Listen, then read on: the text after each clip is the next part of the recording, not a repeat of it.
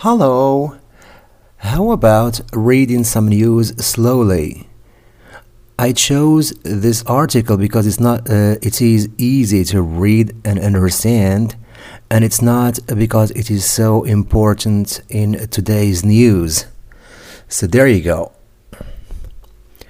أعلنت الحكومة البريطانية الاثنين تعيين ساجد جاويد وزيرا للداخلية. وجاويد ثمانية وأربعون عاما هو مسلم من أصل باكستاني.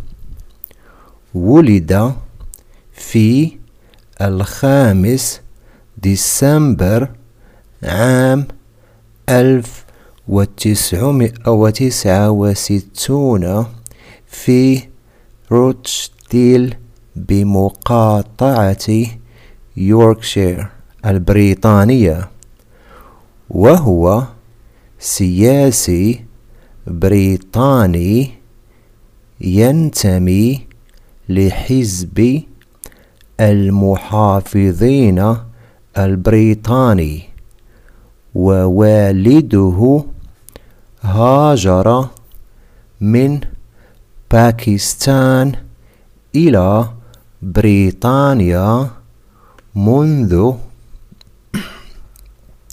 أكثر من خمسين عاما ودرس الاقتصاد والسياسة وبعد تخرجه عمل في بنك تشيس مانهاتن في نيويورك وفي العام 2010 أصبح أول نائب مسلم عن حزب المحافظين There you go. All right.